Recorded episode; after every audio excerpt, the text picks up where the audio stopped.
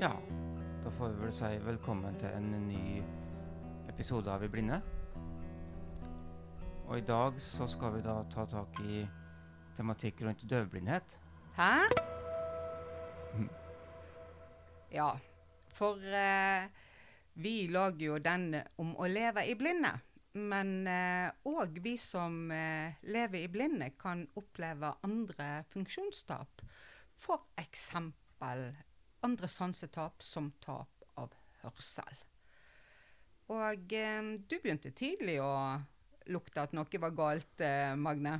Ja, fra vi ble kjent, så la jeg merke til at du ikke klarte å høre sånne kjennemerker som jeg hørte.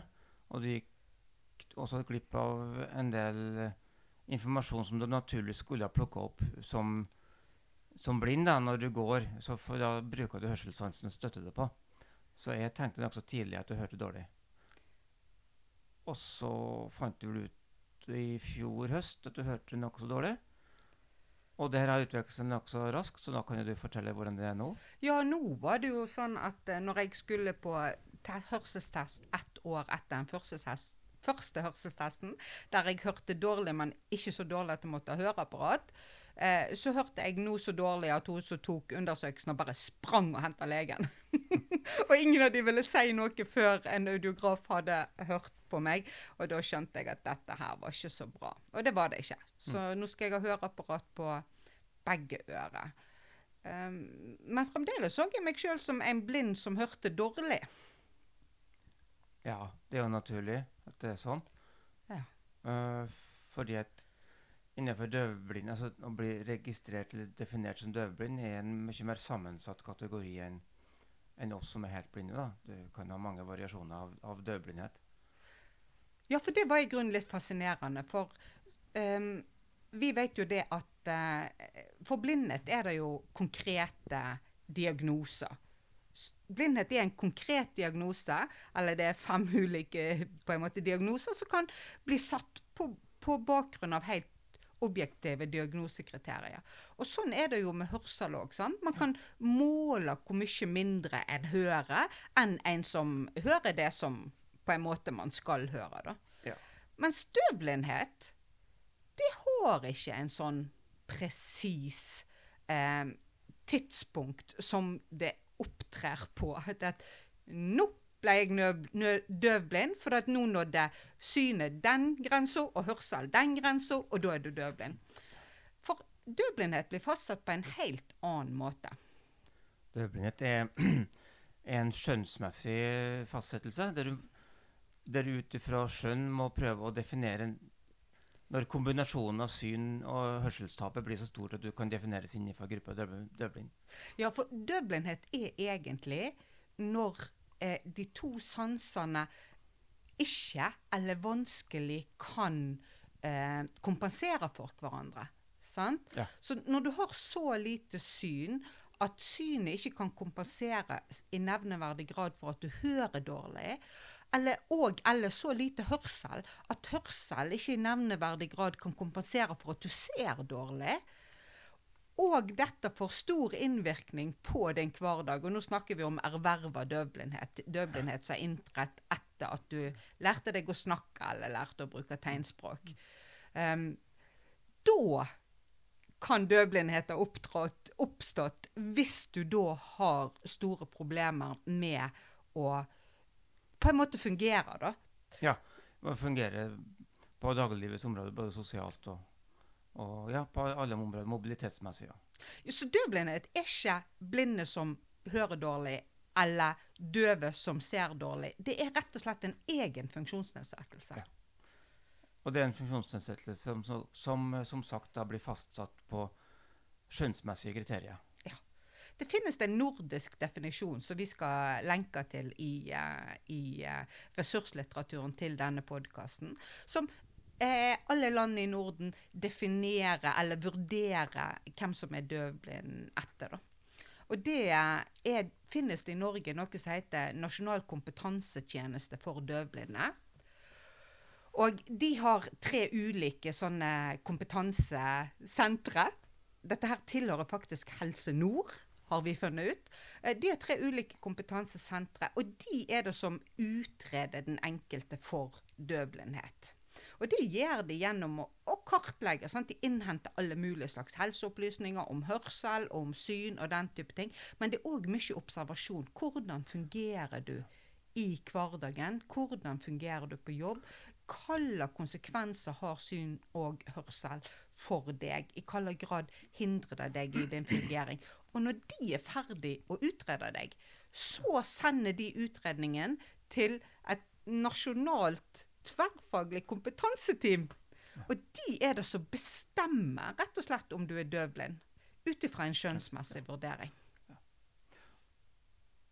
Og den eh, prosessen er det jo altså, Du er ikke definert som døvblind ennå, men du er jo under utredning. Jeg er under utredning, og det er veldig, veldig eh, spennende, faktisk. Og jeg syns òg det her er veldig spennende at det finnes en gruppe mennesker i Norge som ut fra sine vurderinger bestemmer hvem som er døvblind. For døvblindhet er jo kjempesjeldent. Altså, de regner så sjeldent hvis under 1000 personer i Norge har en ting. Mm. Det er 350 cirka registrerte døvblinde. Så det er jo kjempesjeldent. En veldig sjelden tilstand å ha. Men du forteller meg at det er ganske ja, ja, vanlig, altså, det er ganske mange synshemmede som hører dårlig, har du opplevd? Ja, det er det. Og etter hvert som jeg blir eldre, så opplever jo at, eh, at det blir stadig flere som starter som normalthørende, som da gradvis har mista mer, mer og mer hørsel. Mm. Og jeg ser jo da de problemene som dukker opp sammen med det. Ja. Og det har jo sammenheng med de sykdommene som ofte legger grunnlaget for døvblindhet, at det er progredierende sykdom. Eller f.eks. sånn som meg, som taper eh, hørsel pga. dårlige gener og alder, på en måte. Eh, for i min familie så eh, mister man tidlig hørsel, og det er, er progredierende. Kan du si. Så, så, så det kan rett og slett være det at vi blir eldre i seg sjøl. Det trenger ikke å være en av de syndromene som, eh, som gir uh, døvblindhet. Men det som fascinerer meg veldig sant? Nå er det fem år siden jeg ble blind, og nå mister jeg hørsel. Det fascinerer meg hvor like så ulike ting kan være. det å miste syn og det å miste hørsel. For det, det som er grådig likt, syns jeg, det er jo for det første Du ser jo ikke det du ikke ser, og du hører ikke det du ikke hører. Derfor er det av og til veldig vanskelig å skjønne hvor dårlig du hører. Ja. Sant? Du må liksom få noen utenforstående til å komme inn og, og fortelle at nå, nå hører du faktisk dårlig. På samme måte som ja, at du har kanskje begynner å sette skikkelig dårlig. Mm. Men jeg tror kanskje at hørselstap ofte er mer snikende enn en synstap. Ja, kanskje. Fordi at synssansen I et sånt seende samfunn så er synssansen kanskje mer Den merkes fortere når den ikke er så god lenger. Når du må slite litt ekstra for å lese skrifta. eh, ja, ikke får med det så mye i trafikken. Hørselstapet Jeg vet ikke om det kanskje er slik at hørselstapet er litt vanskeligere å registrere. Det er klart Når du begynner på å slite med å få med deg hva folk sier rundt deg, eh, og du forstår at du går glipp av store deler av noen samtaler, så forstår du det. Men jeg, jeg tror ikke du mange tenker sånn som jeg har tenkt. For at, altså, når jeg begynte å se dårlig, og så dårligere og dårligere, så fikk jo jeg hele tida nye briller. Sant? Helt til brillene ikke virker mer, på en Ja, måte. ja. Sånn? Og du virkelig begynte å bli synshemma. Og jeg har jo på en måte tenkt på høreapparat litt som, som på briller. At, sant? Altså, hvis du har minus tre, og så får du briller med minus tre, så ser jo du 100 og jeg har jo trodd det var litt sånn med høreapparat. sant? At OK, da har jeg mista 30% hørsel. Men hvis jeg da får høreapparat, så får jeg tilbake de 30% Men sånn var det ikke, altså. Nei. Nei. For du får ikke tilbake. For hørselsnerven din er ødelagt og kan ikke på en måte ta opp det den skal ta opp. Så du får ikke tilbake det du hadde. Jeg vil aldri mer høre sånn som jeg hørte før jeg slutta Å høre. godt. Ja. Nei, nei. Ja. Og det òg ble en overraskelse for meg. Da. Derfor vil jeg gjerne dele det med våre lyttere, for kanskje det er en overraskelse for de òg. Og kanskje på mange måter jeg har vist for liten forståelse overfor folk som bruker høreapparat. For at jeg har trodd at det er en, kan du si, et bedre hjelpemiddel enn det det faktisk er. Nå er jo det i ferd med å bli et vanvittig godt hjelpemiddel med alt du kan koble til mobil, og slippe å bruke AirPods lenger, og alle de Ja, ja, tingene der. ja. Men, men samtidig være klar over at det er et hjelpemiddel med begrensninger. altså. Og de begrensningene ligger i at hørselen din faktisk er ødelagt. Det er Men, sånn. men jeg tenkte jeg skulle lure, jeg lurer på én ting, da. Eh, hvordan er det å være mye med en som hører dårlig? Du har jo kjent mange som hører dårlig opp gjennom, og som ser dårlig òg. Og, og så kjenner jo du meg som ser og hører dårlig. Eh, hvordan oppleves det?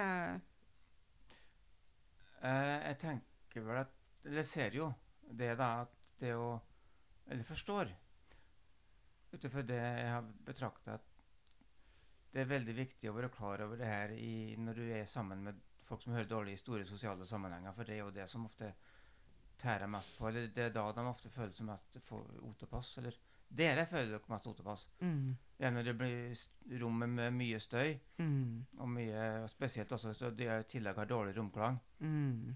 så er det veldig vanskelig. Mm. Og jeg har jo også vært med i veldig mange møtesammenhenger, og det er jo noe av det som alltid ikke fungerer, er jo teleslynga eller den tilretteleggingen som gjør at også tunghørte kan ha Mm. full, nytt, full nytte av eh, et, med en møtesammenheng. Mm.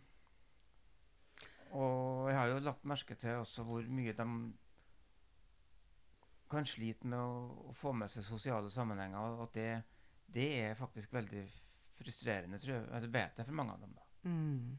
Mm. Og når, du- og når du kjenner folk som er tunghørt bedre, så vet du f.eks. litt om hvilken, hvilket øre som er bra, og hvordan du, skal, du kan plassere deg sjøl, eller de kan plassere seg for å Mm. få mest mulig utbytte av samtaler. Mm. Og så må jeg jo si at når det skjer, hvor stor uh, For det skal jo- være sagt at uh, hjelpeapparatet her for eh, den som både mister syn og hørsel, er jo veldig godt, syns jeg, da, som ser det utafra. Og de har veldig mye, en veldig godt fungerende tolketjeneste. Og, og ser jo hvor god hjelp de har av, av de tolkene som gode synstolker. Ja. Men nå ser jo vi at det er en knapp ressurs. Det var jo oppslag på Dagsrevyen nettopp om, om barn som ikke hører, og som ikke får eh, tegnspråktolk Ja, eh, ja. når de skal ha fritidsaktivitet og sånne ting. ja. Men det jeg i hvert fall vet og allerede har opplevd, det er at døvblindfeltet er et felt med høy faglighet. Altså De folkene du møter på, de er utdanna til å jobbe med det de jobber med. Altså om Enten det er på rehabilitering når det gjelder eh, innenfor døvblindhet, på Eikholt f.eks., som er et sånn kompetansesenter, der du kan få sånne tilpasningskurs eh, finansiert av Nav. Der er det fagfolk som står for absolutt alt. Altså, sant? Skal du opplæring i mobilitet, så er det fagfolk på mobilitet. Skal du opplæring PC, så er det fagfolk det. Altså, det er folk som virkelig kan det. da. Ja, du har jo og, profesjonelle tolker. Og Ja. Jeg har møtt veldig mange veldig dyktige tolker som er veldig gode også på å tolke sosiale sammenhenger for, for døvblinde. Ja, jeg, jeg har jo ofte, før, eh, før jeg begynte å høre dårlig sjøl, etter at jeg eh, ble blind sant? Altså, Som nyblind så savner jo du så enormt alle de synsinntrykkene du hadde. sant? Og når eh, arrangementet i Hordaland fylkeslag, når det var døvblinde med som hadde tolk med, da, da ble jeg alltid veldig glad. Og da prøvde jeg alltid å holde meg veldig i nærheten. da. Sånn at jeg òg kunne få vite at der kommer Anita med et glass rødvin. sant? eller, eller jeg ser Ola han har skifta til dress. Han ser skikkelig flott ut i dag. sant? Sånne ting som jeg syns var bare så kjekt å kunne få vite igjen. da. Så det var en eh, Da når jeg begynte å, å høre dårlig, så møtte jeg på en tolk jeg har møtt mange ganger, som sa noe til meg som Jeg ble veldig glad for det, så jeg syntes det var veldig fint. Og jeg sa til han eh, sa navnet hans, og så sa jeg vet du hva, nå, nå begynner jeg å høre skikkelig dårlig. Nei, gjør du, søren? Ja, nå, nå, nå virker det som det her ikke går så bra. Så sa hun jeg håper at du får akkurat så dårlig hørsel at du kan få hjelp av meg, men ikke miste noen ting mer enn det. det syns Ja. jeg var et veldig fint ønske. Jeg kjenner jo altså Det er en del, det er en del um, hørsels... Altså, døvblinde som har faste tolker som de har med seg overalt. De får ofte Mm. et veldig nært forhold. Mm. Som er, Mm. og De samarbeider veldig godt som Mm. team. Men eh, grunnen til at vi òg tar dette her opp i, i blinde, det er at bare siden jeg begynte å bli utreda, så har jeg forstått at mange blinde og synshemma ikke har riktige program på høreapparatene sine. Sant? Så mange som ikke er døvblinde, eller, eller de er blitt eldre sant? og hører dårligere, har fått høreapparat, og så har ikke de hatt en eh, audiograf som har kunnet noe særlig om det å ikke se, og så har de fått feil program inn på høreapparatene sine. Så én ting jeg en viktig grunn til at vi lager denne podkastepisoden, det er for å si til deg som har fått høreapparat, at det egne mobilitetsprogram som vi som ser dårlig, skal ha på våre høreapparat. Og selv om du ikke kommer inn under kategorien døvblind, så kan du ta kontakt med f.eks. Eikholt, og så kan de eh, rådgi din audiograf, sånn at du kan få de rette programmene inn på ditt høreapparat. Det var litt viktig for meg å få sagt til Ja. mine medblinde. Dette Ja. er en veldig viktig informasjon. For Ja. eh, når du har kombinert syns- og hørselstap, så er det veldig viktig at alle de hjelpemidlene du har, er tilpassa slik at du får utnytte begge sansene du har, det du har igjen av begge sansene best mulig. Mm.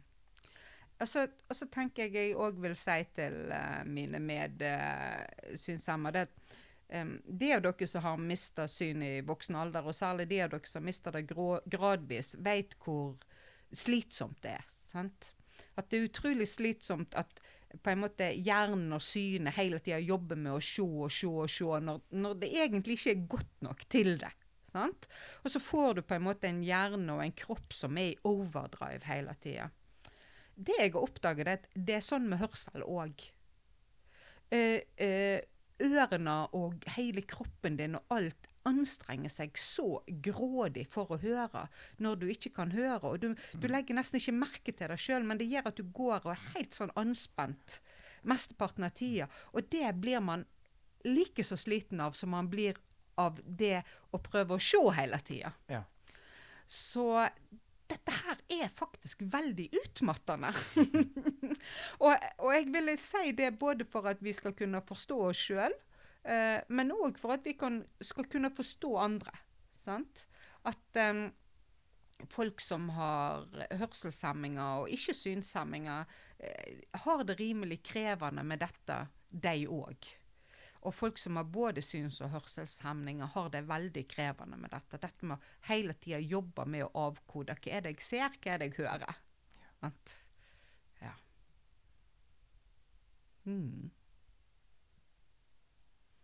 Ja. Nå har jeg egentlig Skal vi kanskje begynne å lande? Ja. det skal vi gjøre, tenker jeg. Så sier, sier vi kanskje at uh, vi håper at folk også har hatt utbytte av den sendinga her. Ja. Og så blir det jo lagt ut litt eh, ekstra lesestoff for den som vil sette seg mer inn i det her stoffet etterpå. Ja, og kjen, kjenner du til folk som eh, ser dårlig og òg hører dårlig, så tips de gjerne om denne episoden. Og iallfall tips de om ressurslitteratur.